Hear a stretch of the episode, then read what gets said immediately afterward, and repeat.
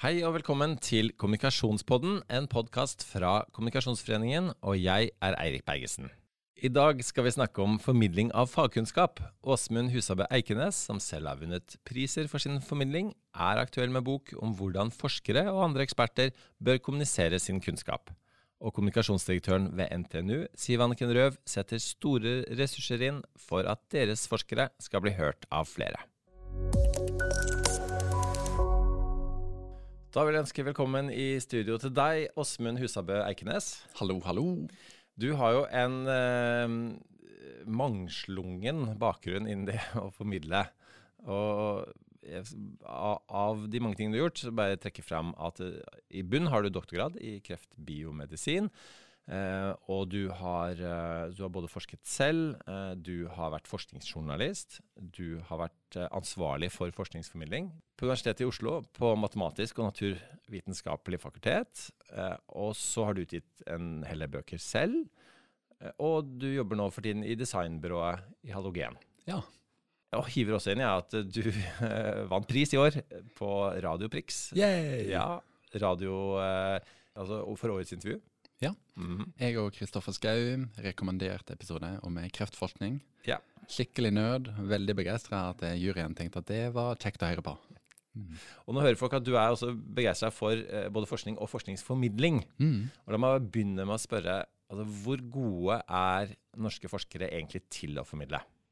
Mange er skikkelig gode. Eh, mange har et ønske om å bli bedre. Og det ser ut til at de aller fleste også er med på ideen om at de bør som en del av samfunnsoppdraget. Ja. Eh, min diagnose er nok at det står veldig bra til med forskningsformidlinga i Norge. Men en som er uenig med deg der, da, er jo den uh, nye ministeren for, uh, for, forskning og høyere utdanning, nemlig Ola Borten Moe. Mm. For tror du han sier det?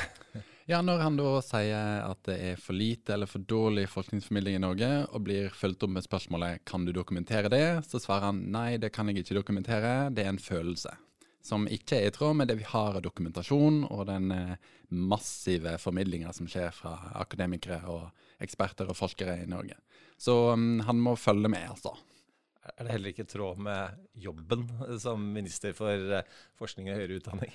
Um, kanskje vi etter hvert skal komme tilbake til at det å drive forskningsformidling handler om å øve og forstå kontekst og se sin del av en helhet, så kanskje vi kan gi han litt tid. Vi spør han igjen om et år, og så får vi håpe at han har fått med seg alle de gode podkastene og Store norske leksikon og alle avisbidragene og alle sceneopptredenene. For det er vanvittig mye formidling som skjer, av god kvalitet. Ja, og er det, er det blitt bedre, eh, er det sånn? For det har jo ikke alltid vært like bra. Um, ja, dette er en god og dårlig er litt sånn et tricky spørsmål. Men det som en kanskje vil si at har skjedd, er en endring fra eh, forskere som snakker til, til stadig flere forskere som snakker sammen med eller deltar i dialog. Så den endringa vil jeg påstå er til det bedre. At det er en åpnere debatt om forskning og hva resultater betyr, og hvordan vi skal bruke dem og forstå dem på tvers av fagfelt. Som kanskje indikerer at det, det skjer en positiv endring. Eh, men jeg er usikker på om det går an å bruke god og dårlig i denne konteksten. Ja, hvis vi ser på at, at, det, er, at det, er, mer forskningsformidling, da, eh, og, og du, du, nikker til det, mm. eh, hvor er det på en måte forskningsformidlingen likevel sliter? Ja, og dette er litt sånn et tricky spørsmål, fordi eh, de som ber om mer formidling, klarer ikke helt å peke på hvor de ønsker seg mer formidling. For det er allerede en helt vanvittig produksjon av tekst til Store norske leksikon f.eks., med millioner av lesere og sidevisninger, og et knallviktig samfunnsoppdrag. Det er forskere i avisene hver eneste dag. De er på TV og i radio og i podkaster. Altså, jeg forstår ikke helt hvor de mener at det skal være mer formidling. Og det er forskere i NOU-bidrag og i ekspertgrupper og i kommisjoner. Og det er Eh, så det ønsker jeg egentlig meg. De som ber om mer formidling, må være mer presise på hva det er de vil ha. Nå lister du opp, opp, flere ting, altså, som har både altså, forskningskontekst og, og, og, i media. Men det å nå fram da, til, til, folk, eller folk flest, da, for å bruke et litt omtrentlig ord. Eh, ja, hvis en skal bruke um, En sånn eh, podkast der eksperter forteller hva de skulle ønske at var pensum i skolen. Og er laga av og med forskere, er for meg et signal på at det står bra til, og at en når fram. Mm. Ja. Det som er en spennende diskusjon, er forskjellen på å nå fram for å begeistre, nå fram for å underholde, versus det å nå fram for å endre holdninger og handlinger. For det ser ut til at vi er knallgode og blir stadig bedre på underholdning og opplysning og den sånn engasjementsdrevne formidlinga. Eh, ja, med festlige titler på foredrag, og det er tjo og hei, og det er show, og det er tantefjas. Og det gleder mange. Og det er klart at forskningsformidling skal ha den type rollen. Å løfte fram begeistring for å være nysgjerrig og lure på ting og stille spørsmål. Men der en kanskje um, opplever um, Der skoen trykker, er kanskje forskningsformidling som kan bidra til å endre folks holdninger og handlinger. Ja, og den er svær nøtt som mange strever med. Ja, fordi altså, grunnen til at, man formidler, er jo gjerne at man ønsker å endre no, noe ved samfunnet. Og så det du sier at, eh, at man eh, Det å rett og slett det å formidle godt, det er ikke nok til å endre samfunnet rundt seg. Ja, nå kan det hende at noen forskere ikke er enig i premisset om at en formidler for å forandre samfunnet. At noen forskere vil si at nei, det, nei, det er ikke del av mitt oppdrag mm. å si hvordan verden bør være. Eh, de vil kanskje si at mitt oppdrag er å fortelle hva forskninga sier oss om hva som kan være bra løsninger. Mm. Ja. Eh, jeg lurer på om jeg kanskje syns det er litt feigt i 2021 å holde tilbake hvis en faktisk mener at noen type samfunnsendringer vil være til det bedre. Så syns jeg at vi skal være åpne for at forskerne både sier det og blir hørt. Ja. Men det som kanskje er den store elefanten i rommet er jo da klimaformidling og klimaforskning, som er, ja, i 30-40 år har prøvd og sagt det samme. Bli begeistra for naturen, og den er viktig og fin. Tenk på livet deres som kommer til å bli forandra, og gjør politiske valg deretter. Og sånn er det et eller annet som stopper. Og den tror jeg veldig mange formidlere, også vi som formidler ting som ikke er klimarelatert, ser i sidesynet som en sånn oh-oh, men når ikke vi engang får til å formidle den gigantiske klimakrisa som er foran oss, sånn at folk stemmer ved politiske valg, at politikerne gjør de valgene som trengs, og de beinharde prioriteringene, i tråd med bunnsolid mangeårig forskning, hvordan skal vi da få det til? Ja, og Dette er jo en kjempeviktig og stor utfordring, som jeg syns er litt usynlig i diskusjonen om forskningsformidling i Norge. og hvordan vi gjør det, og hvem som skal gjøre det, og hvordan ulike faggrupper bidrar. Kommunikasjonsrådgivere, forskere og andre. Ja, fordi, for da, da, er det vel en situasjon hvor selv de forskerne som mener at uh, det bør holde, at jeg bare forsker og formidler det, også om, om, det får resultater eller ikke, det er, ikke helt opp til meg, ikke nødvendigvis mitt oppdrag. Selv de blir litt frustrerte over i år etter år etter år, uh, og blir flinkere og flinkere til å få fram budskapet sitt, ja. uh, allikevel ikke blir tatt hensyn til. Ja, men akkurat for klima så tror jeg ikke at det er noen igjen som tror at de bare kan stå på sidelinja og fortelle om forskninga. Så de klimaforskerne er nok i stjerna i klassen på å ta steget ut i um, samfunnsdebatten og si dette vet vi, og da bør vi velge sånn. Um, men det er um, det er ei uløst nøtt, sånn som det ser ut akkurat nå, med klimatoppmøter som skjer uten eh, samme type gjennombrudd som mange skulle ha ønskt, og som forskninga sier at vi trenger. Vi, vi må um, snakke mer om hvordan man formidler godt mm. i seg selv. Mm. Eh, Noe som vi har åpna med å si at det er ikke sikkert at det er nok. og så er det ingen tvil om at politikerne ikke er flinke nok til å følge opp mm. eh, all kompetanse som er der ute i samfunnet. Men, men eh, gitt at man da har, og det er jo ikke bare i forskningen, men, men eh, de aller fleste mm. firmaer og institusjoner har en type ekspertise mm. eh, in-house som, som, gjerne bør fram. Eh, og, og, hvordan hva, liksom, hva, hva, tenker du er sånn, sånn nøkkel nøkkelbegreper for, for å formidle godt? Kanskje et av dem kan være at det ikke handler om deg som ekspert, men at det handler om eh, folka som du snakker sammen med. Mm. Eh, de som skal høre på eller se. Eh, ja.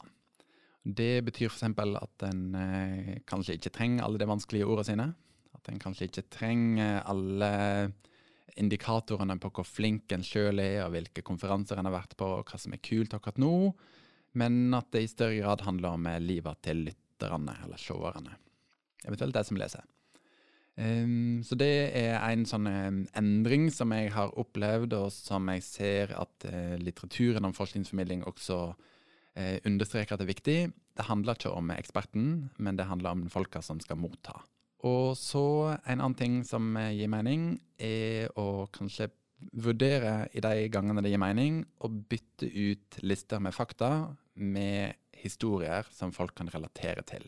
Og jeg tror ikke jeg mener at folk skal slutte å være levende leksikon, og slutte å på en måte opplyse om tall og fakta og informasjon og holde seg til det vi vet, men det ser ut til at kraften i knallgode historier har en eh, helt annen eh, påvirkningskraft og mulighet enn bare å gi faktainformasjon. Så de gangene det gir mening, så er et av de gode rådene å bytte ut 'her er alt jeg kan om tema X' med La meg fortelle deg noe innmari stilig som har skjedd i mitt fagfelt det siste året. Mm. Og Det som skjer nå, som jeg ser på deg, er at du begynner å smile og du tenker oi, dette var jo plutselig en historie. Her er det noe som har skjedd, noe som er ukjent, noe vi kan finne ut av. Kanskje bli litt klokere uten at vi helt får det med oss. Ja. Og da er det noe som står på spill. Det er noe som er ukjent og uventa som ligger der og ulmer, og som vi har lyst til å få med oss. Mm. Og plutselig har en da fjerna mange av sperrene som folk har til å kanskje ikke ville lære, ikke vil ta til seg nye tall som de ikke stoler på. Så den veien via den gode historien for å treffe folk med hode og hjerte er mm, et av grepene som mange formidlere som ser ut til å lykkes, gjør på en veldig god måte. Mm. Mm. Hva med de kommunikasjonsfolkene som sitter og hører på nå, og, og har disse ekspertene som du snakker om, mm. eh, hos seg? Hva er det de konkret kan gjøre for å hjelpe, hjelpe de å nå frem? Min erfaring med å jobbe som forskningsjournalist og som kommunikasjonsutøver er at selv om jeg har syntes det har vært veldig gøy å komme på masse ideer til gode saker på egen hånd, så er erfaringa at de beste sakene skjer når jeg kommer litt tomhendt inn på kontoret til forskerne og spør hva er det som skjer for tida i faget ditt? Hvor er det det ruller? Hvor er det det stormer? Hvor er det folk er ordentlig uenige? Hvor er vi på randen av et ordentlig gjennombrudd? For da skjer det ting. Istedenfor å da være drevet av en, Jeg har en idé til en framside eller et nettoppslag eller en, en, telling eller måling på hvor mange innsalg til riksmedier en får, så skjer det noe med lagarbeidet som jeg egentlig tror at eh, veldig mange kommunikasjonsrådgivere er ordentlig opptatt av, men som forskerne sjøl kanskje trenger litt hjelp til å forstå at er del av dealen. Mm. Ja. Så kanskje et råd å ikke ta kontakt fordi en har et spennende tema en vil skrive om, men ta kontakt fordi en har lyst til å bli bedre kjent. En av intervjuseriene som jeg gjorde da jeg jobba som forskningsjournalist i nettavisa framtida.no, var en serie vi kalte Vis meg en dings. Og Da reiste jeg på besøk til en bunch med ph.d.-kandidater og åpna med det spørsmålet. Vis meg dingsen din. Som er et grep som jeg har knabba fra BBC eh, Radio Science. Og da, eh, det som skjedde, var at disse forskerne da tok frem en eh, diktafon eller et mikroskop eller en pipette eller et kjempesvært rom og fortalte så begeistra om alt de hadde funnet ut. Og så hjalp det oss til å være konkret.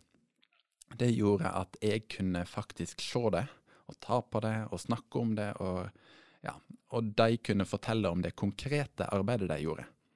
Og ikke bare sånne abstrakte ideer om hvorfor ny kunnskap er relevant. Ja.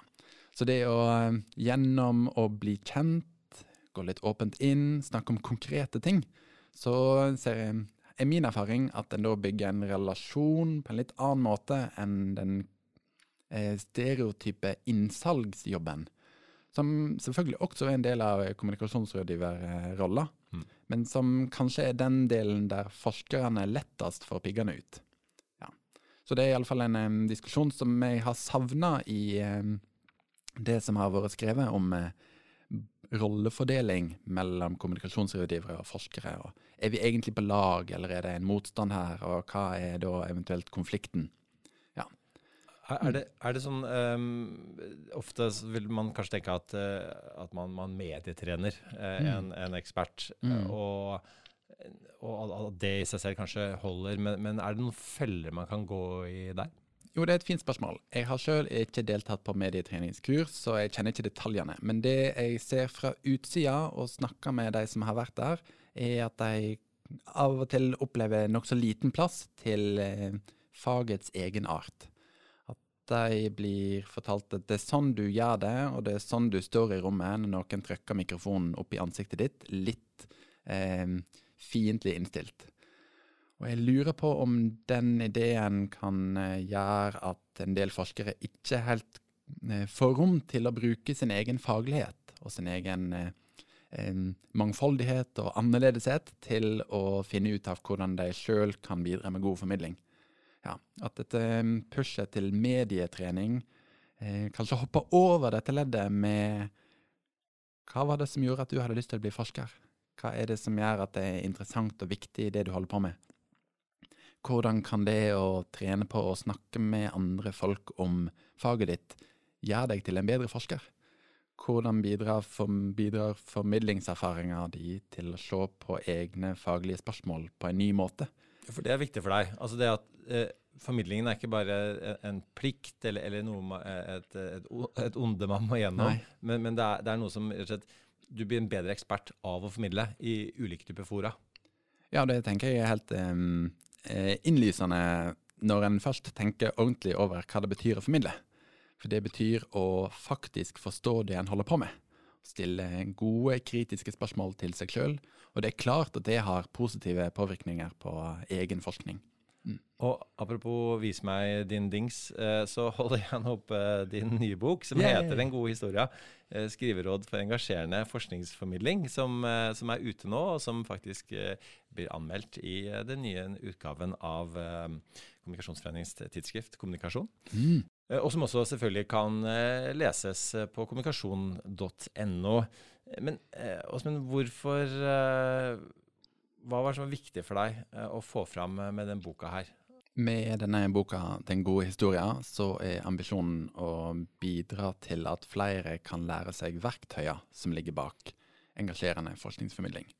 Og da um, har jeg jobba beinhardt for å få fram eh, praktiske, brukbare skriveråd med penn på papir, og refleksjonene rundt hvordan diskusjoner, eller refleksjonene rundt eh, historiefortelling, bruk av kontraster, metaforer, bruk av eh, eh virkemiddel for å skape struktur og eh, det store bildet sammen med de små detaljene. Jeg har eh, jobba mye med å få fram eh, hvordan det å tenke klokt om egen formidling, bidra til egen forskningsaktivitet og dette økosystemet som eh, formidlingsbidragene går inn i.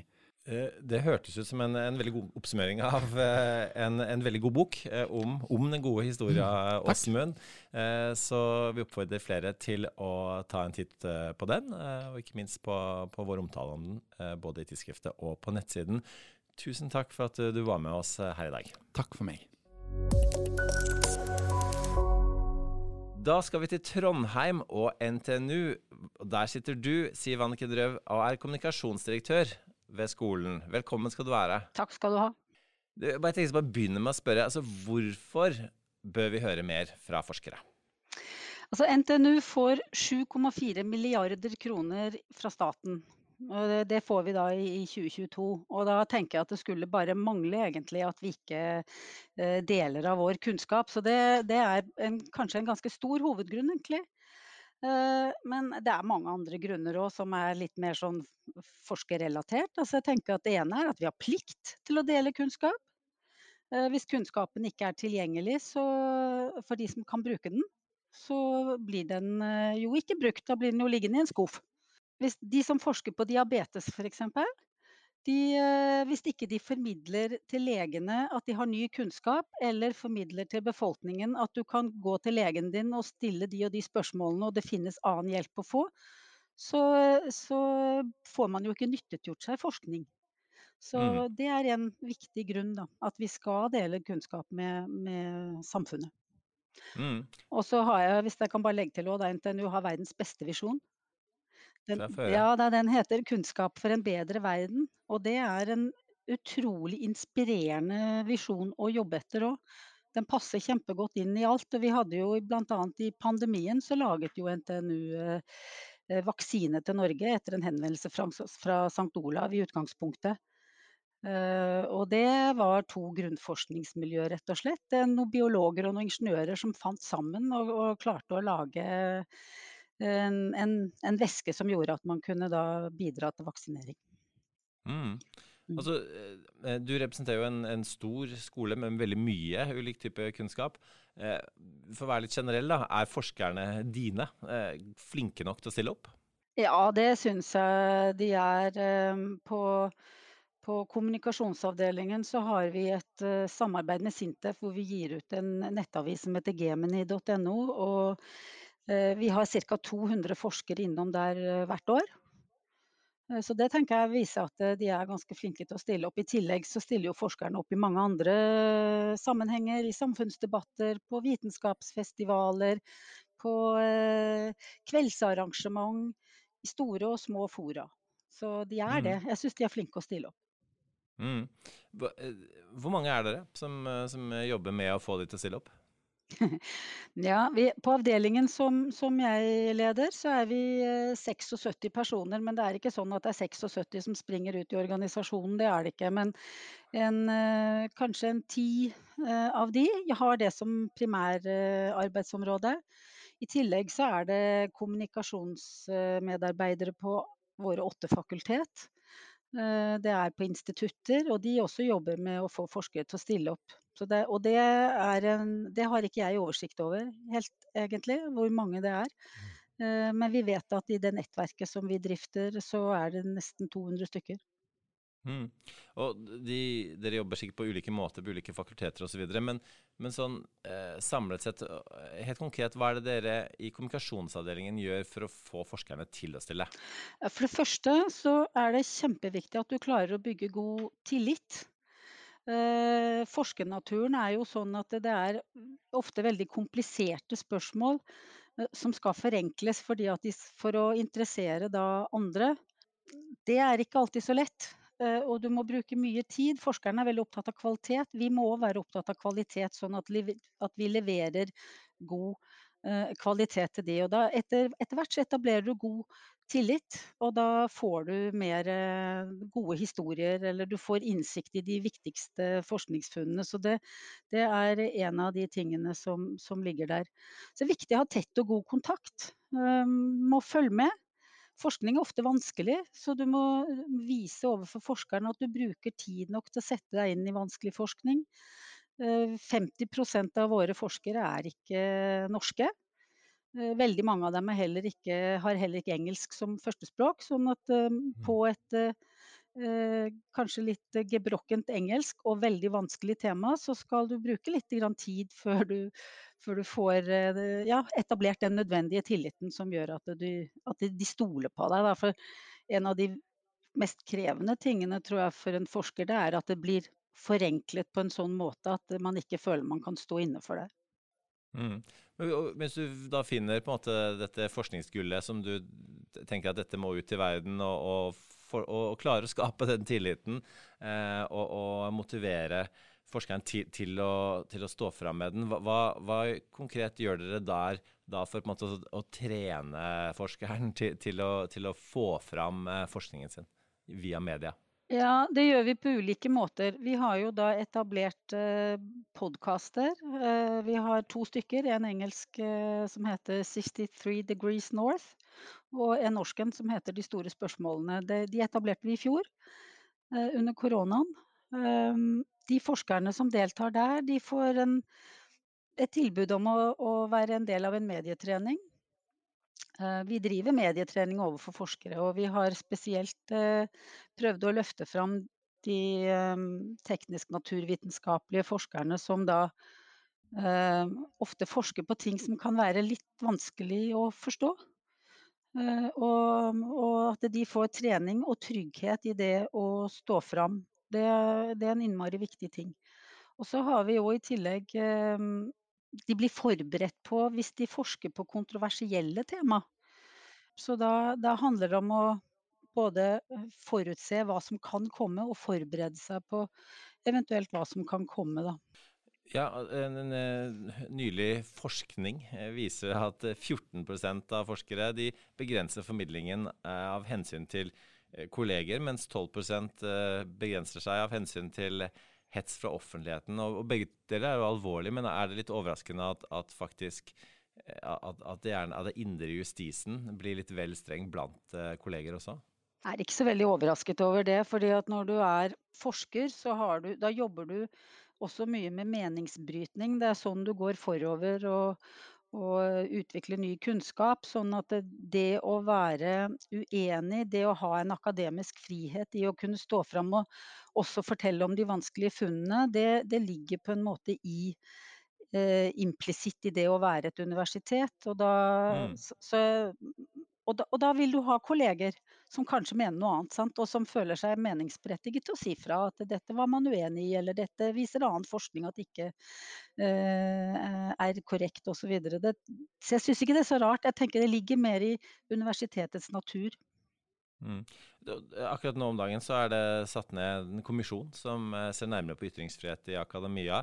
Eh, hvorfor tenker du at det er viktig? Ja, Det syns jeg er kjempeviktig. og Vi har jo med tidligere rektor på NTNU, Gunnar Bovim. Han er jo en del av, det, eh, av den kommisjonen. Eh, jeg tror det er, det er veldig viktig å ha en, en debatt om det. Syns jeg kommisjonen har vært ganske åpen og etterspurt ut i forskningsmiljøet. Tilbakemeldinger og hva er viktig å ta opp og hva er viktige fokus osv. Så, så jeg venter ganske spent på den, egentlig. Mm. Er, er, det noen, er, det noen, spesielle fagfelt hvor, hvor man, som er vanskelige for, for en eh, forsker å, å, formidle i? Ja, Det er alt det som folk har sterke meninger om, som kan være krevende. Altså alt fra eh, si, vindkraft til barnevern, til fedme, til eh, religion. Altså konspirasjonsteorier. Sånne ting som, som, eh, Og gjerne også temaer som gjør folk litt indignert. Eh, I hvert fall fra eksterne så ser vi at det Altså fra befolkningen da, som eventuelt da kommenterer i sosiale medier og sånn, da ser vi at det, de type tema de, de, kan være generere en del hets, da. Så er det jo mm. veldig forskjell på hvor hardhudet folk er. Om de syns det er ok, eller om de, om de, bare rister litt på pelsen og går videre. Det, det, det tror jeg varierer veldig. Når forskeren havner i, i stormen, da, hva, hva, gjør dere for å hjelpe?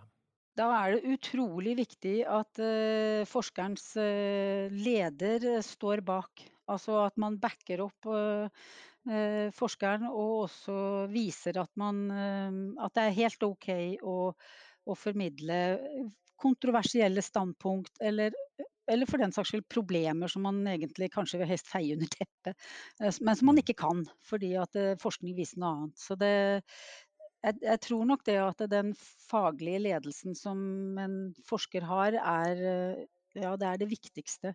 Så har vi jo, det vet jeg jo at på noen av våre fakulteter så jobber de med å, å, å, forberede litt på forhånd at dette kan komme. Ikke les alle kommentarene. Hm. Husk å snakke med lederen din. Altså det, det, er en del sånne ting. Men du, det er klart du lever jo i en verden som, som, når du forsker på i hvert fall på sånne tema som angår folk veldig direkte, så vet du jo at du kan få en del reaksjoner. En ting er det, de kontroversielle temaene. Hvilke temaer er det som peker seg ut som eh, som folk er uh, mest interessert i å høre mer om fra ekspertene dine? Jeg, jeg vet ikke om jeg kan ja, jeg, kan kanskje ikke si at jeg har en sånn topp ti-liste, men alt som har med helse og trening, det er veldig lett å få innpass overalt, egentlig. Eh, ja, Helseforskning er én ting, samfunnsvitere er jo en del i media. Er, er det noen uh, forskningsfelt hvor du skulle ønske vi, vi hørte mer om? Ja, eh, jeg kunne jo ha tenkt meg at vi sjøl var flinkere til å formidle Eh, fra grunnforskning eh, det, det, er jo noen grunner til at ikke det blir gjort så ofte. fordi at en grunnforskning går ganske sakte. Altså Det er jo ikke sånn at det fra den ene uken til den neste er en stor utvikling. Det kan jo gå ti år før det på en måte er noen nyhet. da.